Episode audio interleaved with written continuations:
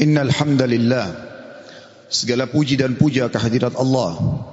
Nahmaduhu wa nasta'inuhu wa nastaghfiruh. Hanya kepadanya kita memuji meminta pertolongan serta bertaubat dari dosa-dosa kita. Wa na'udzu billahi min syururi anfusina. Dan hanya kepada Allah pula kita meminta agar dijauhkan dari keburukan-keburukan diri kita. Wa min sayyiati a'malina. Dan dari segala dosa yang pernah kita lakukan. May yahdihillahu fala mudhillalah Barang siapa yang telah Allah berikan petunjuk maka tidak akan pernah sesat selamanya. Wa may yudlilhu fala hadiyalah. Dan barang siapa yang telah Allah sesatkan maka tidak akan mendapatkan petunjuk selamanya. Ashhadu an la ilaha illallah wahdahu la syarikalah wa ashhadu anna Muhammadan abduhu wa rasuluh. Saya bersaksi tidak Tuhan yang berhak disembah kecuali Allah dan tidak ada sekutu bersamanya dan Muhammad benar-benar hamba juga utusannya. Qala Allah Ta'ala. Allah mengingatkan dalam kitabnya Ya ayuhalladzina amanu taqullaha haqqa tuqatihi wa la tamutunna illa wa antum muslimun. Hai sekalian orang-orang yang beriman Bertakwalah Hanya patuh dan tunduklah Kepada satu-satunya pencipta segala sesuatunya Baik di langit, di bumi, di kedalaman lautan Yaitu Allah. Sebenar-benar patuh dan tunduk dan janganlah kalian meninggal dunia kecuali dalam keadaan Islam. Di ayat yang lain kalau Allah Taala, Ya ayuhan nasu taqu rabbakum alladhi khalaqakum min nafsin wahidah wa khalaqa minha zawjaha wa batha minhuma rijalan kathiran wa nisaa wattaqullaha alladhi tasaaluna bihi wal arham innallaha kana alaikum raqiba. Hai sekalian manusia, bertakwalah hanya tunduklah kepada Allah yang telah menciptakan kalian dari jiwa yang satu yaitu Adam alaihissalam dan menciptakan dari jiwa yang satu istrinya Hawa alaihissalam dan telah banyak memberikan keturunan laki-laki juga perempuan dari keduanya. Sekali lagi bertakwalah kepada Allah dan jagalah hubungan silaturahim. Sesungguhnya Allah senantiasa mengawasi kalian. Di ayat yang ketiga kalau Allah Taala يا أيها الذين آمنوا اتقوا الله وقولوا قولا سديدا يصلح لكم أعمالكم ويغفر لكم ذنوبكم ومن يطع الله ورسوله فقد فاز فوزا عظيما Hai sekalian orang-orang yang beriman Sekali lagi patuh dan tunduklah kepada Allah Nikmati yang halal Tinggalkan, kerjakan yang diperintahkan Tinggalkan yang dilarang Dan ucapkan kalimat yang benar Jujurlah niscaya dia akan memperbaiki amal-amal perbuatan kalian, mengampuni dosa-dosa kalian. Barang siapa yang mentaati Allah dan Rasulnya, dia telah mendapatkan kemenangan yang besar. Amma ba'd, fa inna asdaqal hadithi kitabullah. Kita tahu sebaik-baik rujukan umat Islam dalam segala lini kehidupan mereka terutama ibadah adalah Al-Quran kitabullah. Wa khair hadi hadi Muhammadin sallallahu alaihi wa sahbihi wa sallam dan petunjuk yang terbaik setelah Al-Quran adalah petunjuk Nabi besar Muhammad sallallahu alaihi wa ala alihi wa sahbihi wasallam wa syarrul umuri muhdatsatuha dan seburuk-buruk perbuatan terutama dalam ibadah yang tidak punya rujukan wahyu Al-Quran dan sunnah. Fa inna kulla bid'ah semua ibadah yang tidak punya rujukan dikenal dengan perbuatan baru dalam agama. Wa inna bid'atin perbuatan baru itu akan membawa pelakunya pada kekeliruan. Wa inna finar keluar akan membawa pelakunya ke dalam api neraka Saudaraku si iman rahimani wa rahimakumullah. Apa yang saya bacakan tadi dikenal dengan khutbah hajah. Baginda Nabi SAW tidak melewatkan momen-momen penting pada saat ingin menyampaikan wasiat kepada umatnya kecuali beliau membuka dengan khutbah hajah. Tiga ayat tentang pentingnya bertakwa dan tunduk kepada Allah serta mengingatkan agar ibadah selalu punya rujukan wahyu Al-Quran dan Sunnah. Pada kesempatan ini kita akan bahas tentang keajaiban istighfar. Saudaraku si iman. Banyak sekali ayat Al-Quran dan hadis Nabi SAW mengingatkan masalah ini. Dan juga kita akan dengarkan nanti perkataan para salafus salih tentang keajaiban istighfar dan dahsyatnya.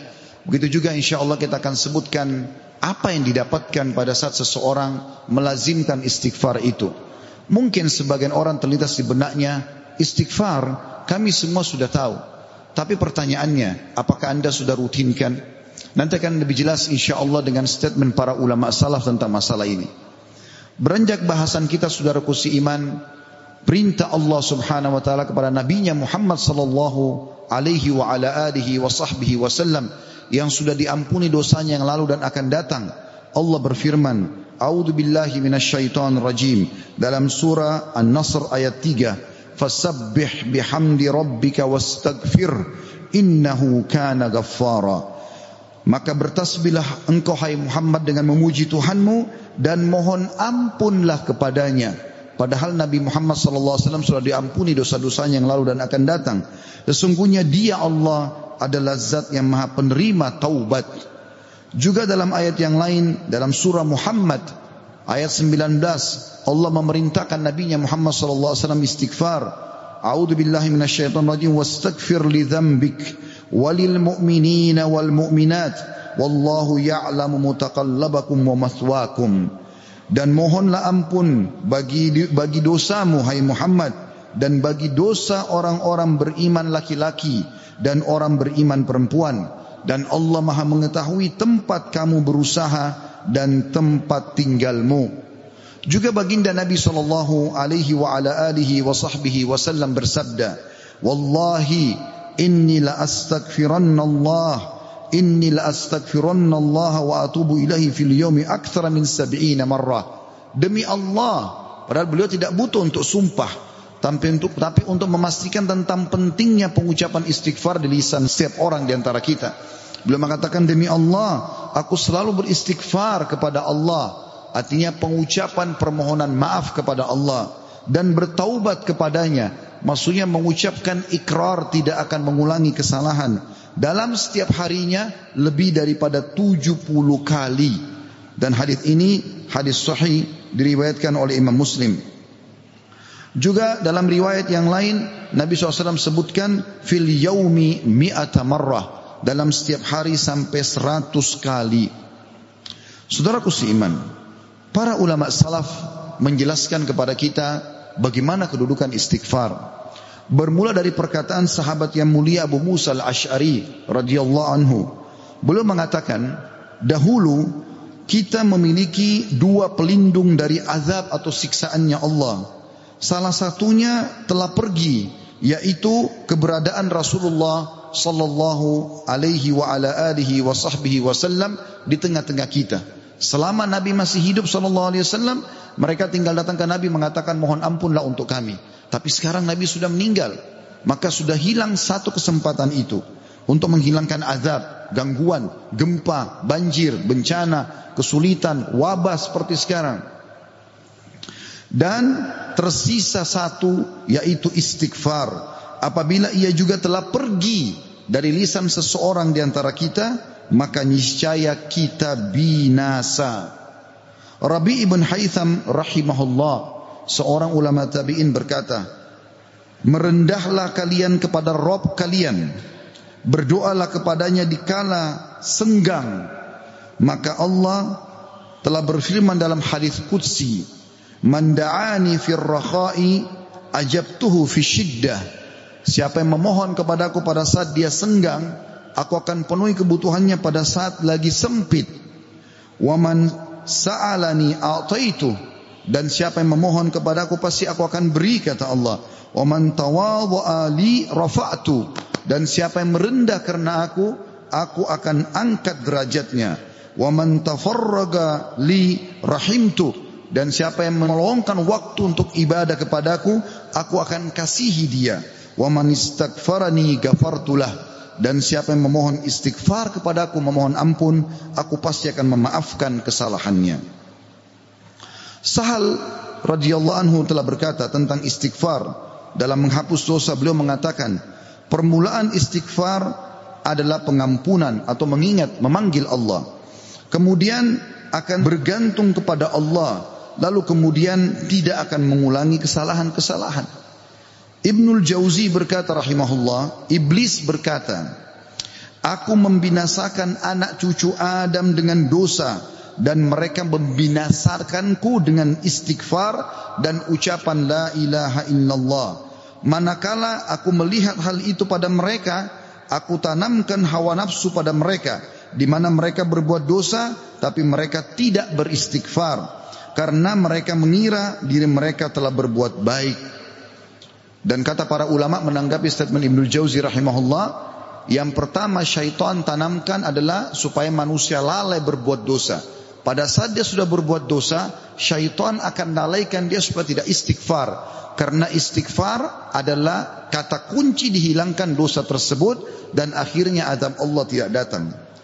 Kata ada rahimahullah berkata, Al-Quran menunjuki kalian penyakit dan juga obat sekaligus untuk menyembuhkan kalian. Penyakit kalian adalah dosa-dosa dan obat penyembuh kalian adalah istighfar. Permasalahan apa pun akan selesai dengan istighfar. Andai saja sebuah wilayah disepakati dari pemimpinnya sampai masyarakatnya memasyarakatkan dan membudayakan istighfar di lisan mereka, di meja-meja makan mereka, di halaman rumah mereka, di meja-meja kerja mereka, di masjid mereka, di pasar mereka, Demi Allah wahai saudaraku seiman, permasalahan di wilayah itu akan selesai semuanya dan rezeki akan terbuka seluas-luasnya. Anda akan dengarkan nanti kurang lebih sembilan manfaat daripada istighfar itu sendiri. Ali radhiyallahu anhu berkata, sahabat Nabi yang mulia ini berkata, yang aneh adalah orang yang binasa padahal keselamatan ada bersamanya. Orang bisa kena gempa, banjir, penyakit kronis, kemiskinan, kesusahan hidup. Kata Ali radhiyallahu yang aneh adalah orang yang binasa padahal keselamatan ada bersamanya. Lalu beliau ditanya radhiyallahu anhu, apa keselamatan yang Anda maksudkan? Kata Ali radhiyallahu anhu, istighfar. Beliau juga berkata, tidaklah seorang hamba diilhami oleh Allah Subhanahu wa taala untuk beristighfar. Allah tidak mudahkan lisan Anda mengatakan astagfirullah. Itu saja. Kata beliau, kecuali Allah memang berkehendak untuk menyelamatkannya atau tidak mengazabnya. Seseorang soleh juga berkata, hamba berada di antara dosa dan nikmat.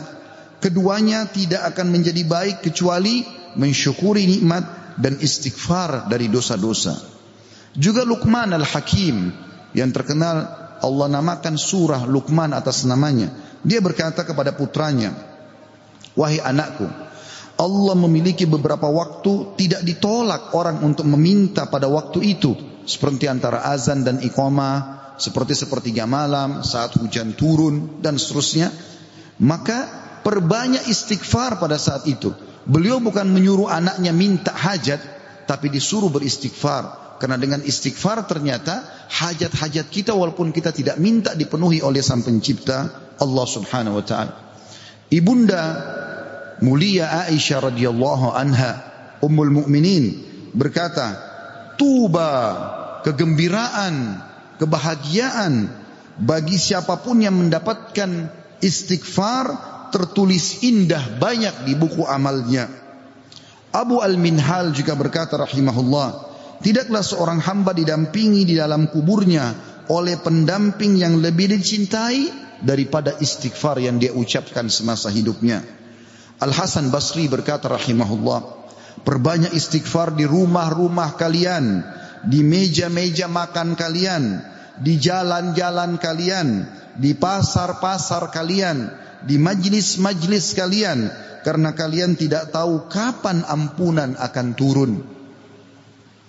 Seorang badui berkata, Siapa yang ingin menjadi tetangga kami di tanah kami, hendaklah memperbanyak istighfar karena istighfar adalah awan tebal yang mengandung air atau hujan yang lebat. Maksudnya rezeki. Andai saja kita fahami statement-statement ini saudaraku seiman. Mungkin beranjak dari Pak Bupati Hafidhullah. Pemimpin wilayah Goa. Semoga Allah jaga beliau. Dan juga seluruh masyarakat Goa ini. Apalagi kalau seluruh wilayah Indonesia bisa menanamkan ini.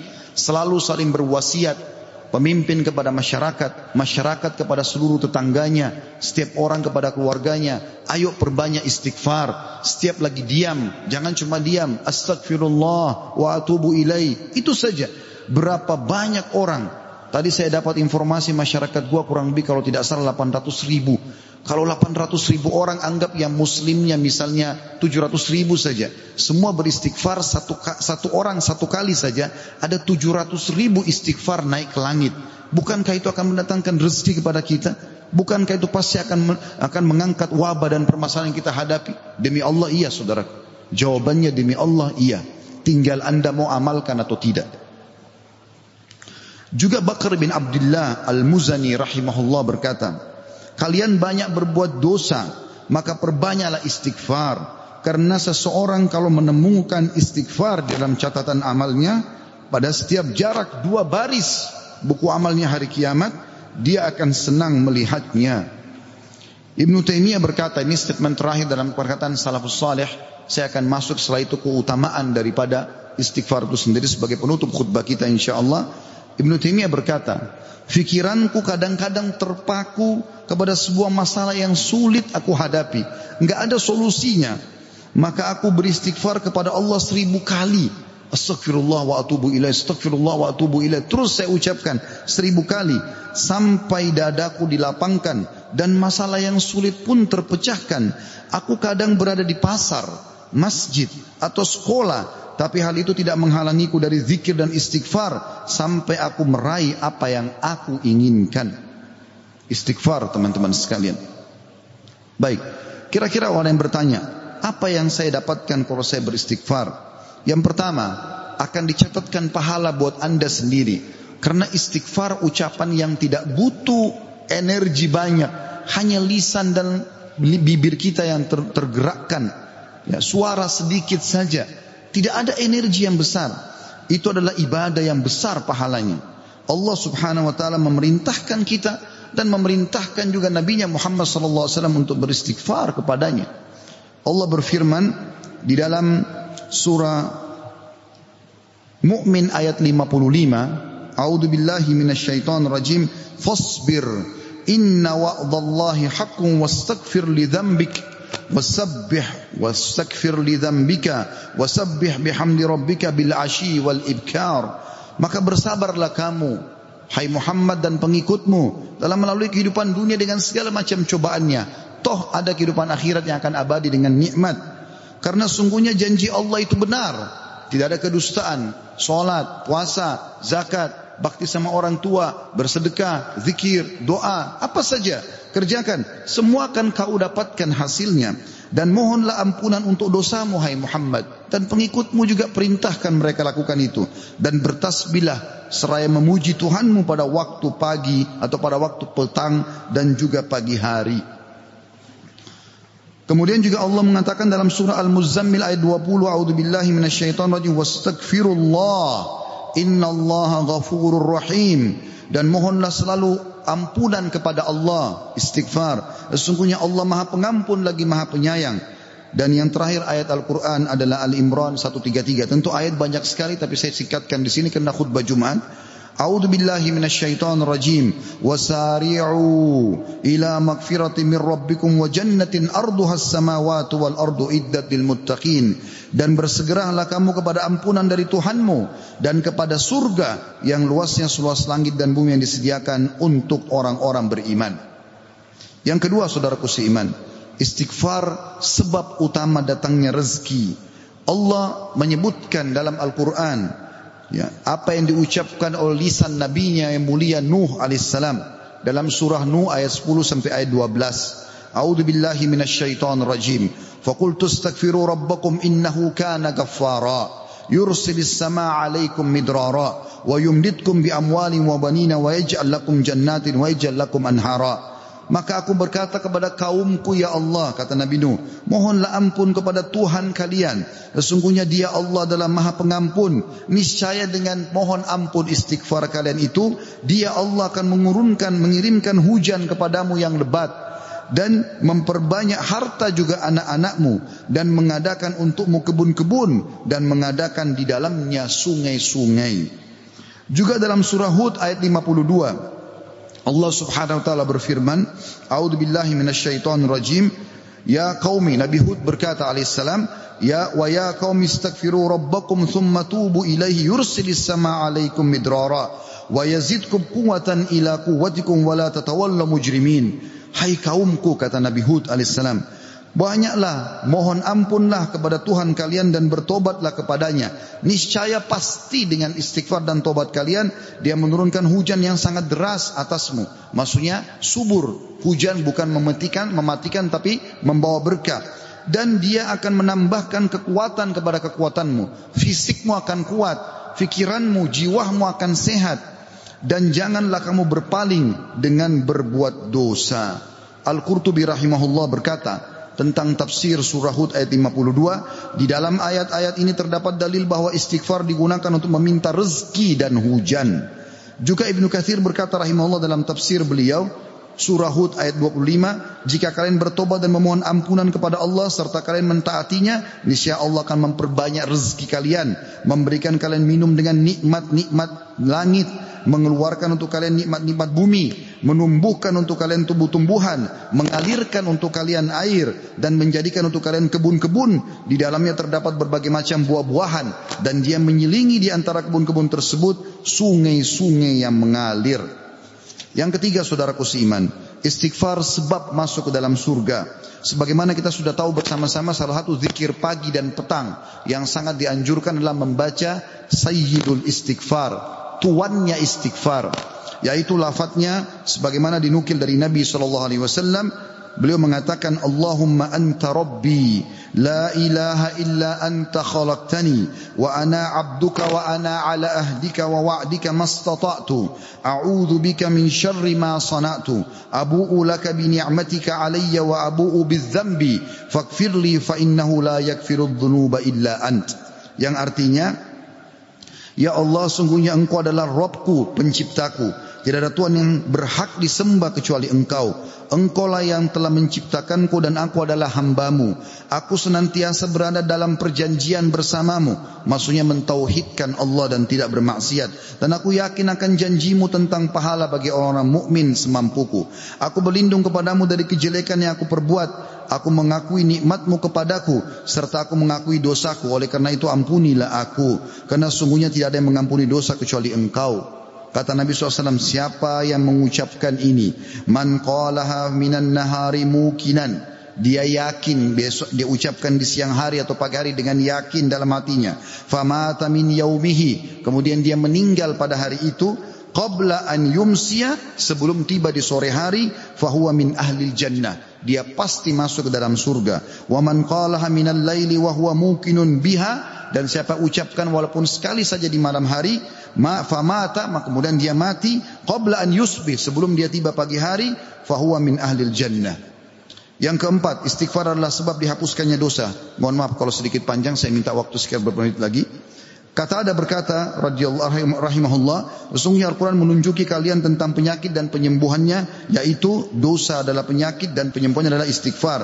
Allah berfirman, A'udzubillahi minasyaitonir dalam surah Al-Imran 135 والذين إذا فعلوا فاحشة أو ظلموا أنفسهم ذكروا الله فاستغفروا لذنوبهم ومن يغفر الذنوب إلا الله ولم يصروا على ما فعلوا وهم يعلمون dan juga orang-orang yang apabila mengerjakan perbuatan keji dan mengayomi diri mereka kalau mereka buat dosa maka mereka ingat kepada Allah lalu mereka memohon ampun terhadap dosa-dosa mereka dan siapa lagi yang dapat mengampuni dosa selain Allah dan mereka terus tidak tidak mereka tidak meneruskan perbuatan dosa itu sedang mereka mengetahuinya Kemudian teman-teman sekalian selanjutnya adalah yang kelima istighfar mencegah hukuman dari Allah Subhanahu wa taala. Saya ambil satu saja Al Hasan Basri rahimahullah berkata, "Wahai anak Adam, meninggalkan dosa lebih ringan bagimu daripada mencari taubat dan ketahuilah bahwasanya pada saat kau meninggalkan perbuatan dosa, atau kau beristighfar pada saat berbuat dosa, maka adab Allah tidak akan datang. Karena Allah berfirman dalam surah Al-Anfal ayat 33, A'udzu billahi minasyaitonir rajim, wa ma kana Allah liyu'adzibahum wa anta fihim, wa ma kana Allah mu'adzibahum yastaghfirun. Dan Allah sekali-kali tidak akan mengadab mereka sedangkan kamu berada di tengah-tengah mereka hai Muhammad dan tidak pula Allah akan mengadab mereka sedang mereka selalu memohon ampun. Yang keenam, istighfar sebab diangkatnya derajat dalam sebuah hadis ajarkan bab ini kepada anak anda. Dalam hadis riwayat Ahmad dengan sanad hasan kata baginda Nabi SAW inna Allah azza wa jalla yarfa'u darajati lil abdi salih fil jannah fayaqulu ya rabbi anna li hadhihi fayaqulu bi istighfari waladika lak Sesungguhnya Allah yang maha suci dan maha tinggi mengangkat derajat seseorang hamba saleh di surga sehingga dia bertanya yang sudah mati diangkat derajatnya tinggi di surga. Hamba ini bingung, dia tidak pernah merasa berbuat amal yang bisa membawa dia ke derajat itu. Lalu dia bertanya, "Wahai Rabbku, dari mana nikmat ini hamba dapatkan?" Maka kata Allah SWT dari istighfar anakmu untukmu.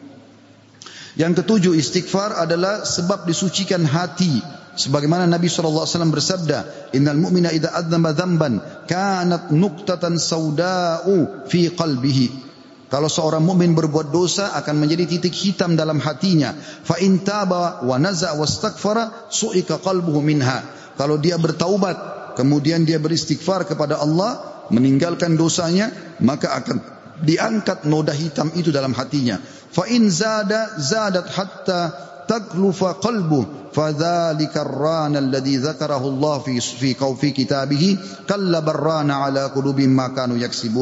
Dan kalau seandainya dia bertaubat dan meninggalkannya serta beristighfar, hatinya kembali bersih darinya dan kalau dia tambah melakukan dosa, maka bertambah pula titik hitam itu sampai menutupi seluruh hatinya. Dan itulah makna kalimat arran dalam firman Allah Subhanahu wa taala sekali-kali apa yang selalu mereka usahakan itu menutupi hati mereka. Surah al-mutaffifin ayat 14 Dua poin yang terakhir teman-teman sekalian. Yang kedelapan adalah istighfar sebab memperoleh anak dan keturunan.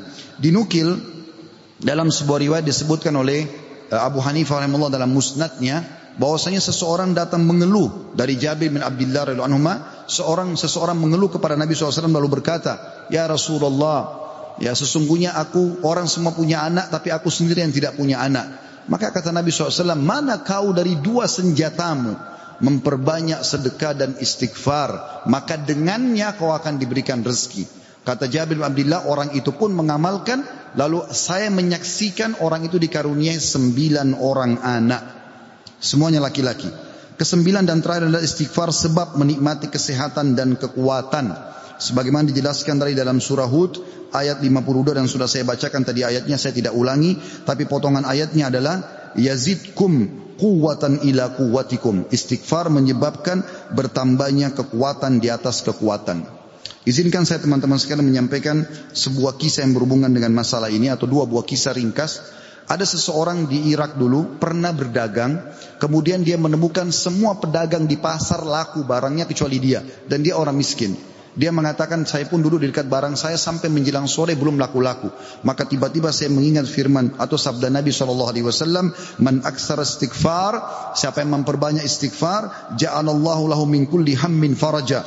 Allah akan berikan kelapangan dari setiap kesedihannya. Wa min kulli dikin makhraja. Dan jalan keluar dari setiap masalahnya dan juga razakahu min la yahtasib. Maka Allah akan berikan rezeki dari tempat tidak disangka-sangka. Maka dia bilang saya pun beristighfar kepada Allah dan terjadi satu keajaiban yang luar biasa. Ternyata datang kepadaku hampir seluruh pedagang pasar datang dan mereka memperebutkan barang daganganku Terakhir kisah seseorang yang bernama Abu Yusuf saudaraku seiman di musim haji seorang syekh dalam kisah yang tidak disebutkan namanya siapa sedang menyampaikan masalah istighfar. Datang seseorang setelah pengajian bernama Abu Yusuf lalu berkata, "Syekh, saya ingin bercerita tentang manfaat istighfar yang Anda sampaikan tadi." Kata syekhnya silakan. Dia bilang saya menikah bertahun-tahun tidak punya anak sama sekali dan saya sama istri saya sedih. Lalu satu waktu saya pernah mendengarkan sebuah siaran tentang makna Ya firman Allah SWT surah surah Nuh ayat 10 sampai ayat 12 tadi sudah saya bacakan ayatnya bahwasanya orang kalau istighfar akan diturunkan hujan dari langit, diberikan keturunan dan juga harta. Lalu saya mengatakan kepada istri saya, wahai Ummu Yusuf, ayo kita istighfar. Sudah bertahun-tahun kita berusaha berobat sana sini tidak punya anak. Maka dia sama istrinya yang mengatakan, kami pun beristighfar tidak mengenal waktu, tidak mengenal tempat kecuali di WC. Kita tidak baca di WC. Di tempat tidur, di ruang makan, di, di halaman, selalu baca. Dan subhanallah kata dia Syekh, bulan itu Ummu Yusuf hamil dan lahirlah Yusuf. Begitu selesai hamil lagi masa nifas, saya bilang Ummu Yusuf, kita sudah bertahun-tahun tidak punya anak. Ayo kita istighfar kepada Allah untuk anak yang kedua. Kata dia, Anda tahu Syekh, di selesai nifas, Ummu Yusuf hamil dan kami dapat lagi anak kedua. Dua-duanya laki-laki. Setelah anak kedua lahir di masa nifas, saya bilang lagi, wahai Ummu Yusuf, kita beristighfar kepada Allah untuk anak yang ketiga. Maka saya sama Ummu Yusuf beristighfar yang ketiga dan ternyata selesai masa nifas hamil dan juga melahirkan di tahun ketiga anak laki-laki laki yang ketiga. Kata syekhnya semoga Allah berkahi. Itu betul-betul firman Allah. Allah mengatakan Allah tidak akan pungkiri janjinya. Dia mengatakan belum selesai kisah saya syekh. Setelah itu Ummu Yusuf berkata, wahai Abu Yusuf kita berhenti dulu istighfar untuk mohon anak. Istighfar untuk yang lainnya. Tapi permohonan anak berhenti dulu sampai anak-anak besar. Kami sepakat 2-3 tahun kemudian saya mengatakan Ummu Yusuf sekarang saatnya kita minta agar Allah berikan kita anak perempuan yang cantik dan salihah Maka kami pun beristighfar dan ternyata Ummu Yusuf hamil dan sekarang saya di musim haji wahai Syekh sedang datang bersama Ummu Yusuf yang baru saja melahirkan bersama dengan bayinya, bayi perempuan. Aku lu qauli. Saya sudah mengucapkan perkataan saya ini. Wa astaghfirullah li wa. Dan saya beristighfar kepada Allah. Mengajak jamaah istighfar kepada Allah. Fastaghfiruhu innahu huwal ghafurur rahim. Beristighfarlah sungguh dia maha pengampun dan juga maha pengasih. Alhamdulillah wassalatu wassalamu ala Rasulillah. Segala puji dan puja kehadirat Allah Subhanahu wa taala juga salawat dan taslim kepada Nabi besar Muhammad sallallahu alaihi wa ala alihi wa sahbihi wasallam. Hari Jumat adalah hari yang mulia saudaraku seiman dan ada waktu mustajab doa. Dalam dua riwayat, yang pertama riwayat Imam Muslim. Kata Nabi SAW tidak ada seorang muslim pun berdoa di hari Jumat kecuali diijabah. Dan kejarlah pada saat khatib di khutbah kedua sampai diikomahkan sholat. Makanya semua khatib pasti berdoa di khutbah kedua. Yang kedua riwayat An-Nasai. Kata Nabi SAW Jumat ada 12 waktu. Tidak ada seorang muslim yang berdoa kecuali diijabah sama Allah. Dan perbanyak doa selepas asar sampai terbenam matahari. Maka jangan kita sia-siakan waktu mustajab ini. Mari kita hadirkan hati dan pikiran kita untuk berdoa kepada Allah Subhanahu Wa Taala. Semoga ia mengijabahnya. Alhamdulillahi Rabbil Alamin. Kami memujimu ya Allah sebagaimana layak kau dipuji sebagai pencipta. Dan juga kami mengucapkan salam hormat kami kepada Nabi Muhammad sallallahu alaihi wasallam sebagaimana engkau telah mengucapkan salam hormat kepadanya. Ya Allah, kami tidak berkumpul di salah satu rumahmu ini kecuali karena ingin menjalankan perintah dan kewajiban yang kau bebankan kepada kami. Maka ikhlaskan niat kami dan terimalah seluruh amal-amal soleh yang pernah kami kerjakan. Baik kami ikhlas atau kurang ikhlas yang sedang kami kerjakan yang akan kami kerjakan sampai menjelang ajal datang nanti. Sesungguhnya la haula wala quwata illa bik. Kami tidak punya daya dan kekuatan kecuali dengan izinmu. Ya Allah ampunilah seluruh dosa-dosa kami dosa kedua orang tua kami dosa seluruh kerabat-kerabat kami dosa seluruh kenalan-kenalan kami, bahkan dosa seluruh muslimin dan muslimat, mukminin dan mukminat yang hidup dan juga yang sudah meninggal.